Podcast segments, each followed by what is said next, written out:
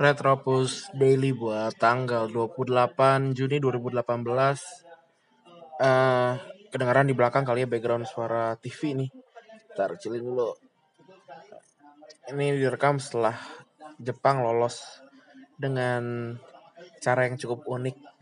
Jadi Jepang sama Senegal itu head to head sama Karena mereka seri Terus jumlah kemasukan dan pemasukan sama.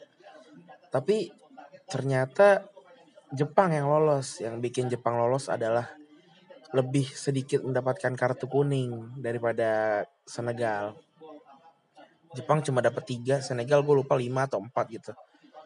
Dan iya ternyata sepak bola nggak cuma perihal mencetak gol doang gitu, tapi bermain fair play dan bermain uh, tidak kasar juga penting kalau dalam fase grup kayak gini. Dan Jepang udah membuktikan ini jarang banget sih.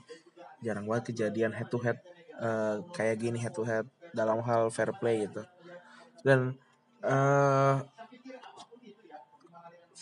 jadi akhirnya Kolombia malah yang jadi peringkat pertama. Dan Kolombia bakal ngelawan yang kalah dari Belgia versus Inggris nih dan ini bakalan bakalan jadi pertandingan yang agak membosankan menurut gue karena mereka mungkin agak menghindari si Belgia dan Inggris ini agak menghindari untuk jadi peringkat satu karena uh, bagan peringkat satu tuh agak berat karena bakalan ketemu Brazil dan lain-lain gitu. Dan uh, kayaknya juga udah ini ya udah fix banget sama-sama nahan kekuatan karena uh, Lukaku nggak main kabarnya Hazard juga dipertanyakan. Kalau dari Inggris Harry Kane kabarnya juga nggak dimainkan uh, karena Jamie Vardy fix jadi starter gitu. Ya kita lihat aja uh, bakalan seperti apa pertandingannya. Karena Piala Dunia sih nggak ada yang nggak ada yang mudah ya. Lu mau di bagian mana pun akan tetap sulit gitu. Yaudah gitu aja. Ini adalah Retropus Daily untuk tanggal 28 Juni. Semoga hari lu menyenangkan.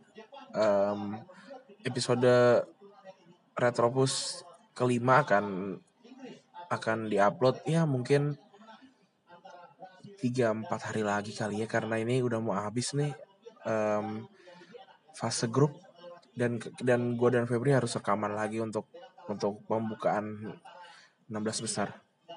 Ya udah gitu aja. Makasih yang udah dengerin. Bye bye.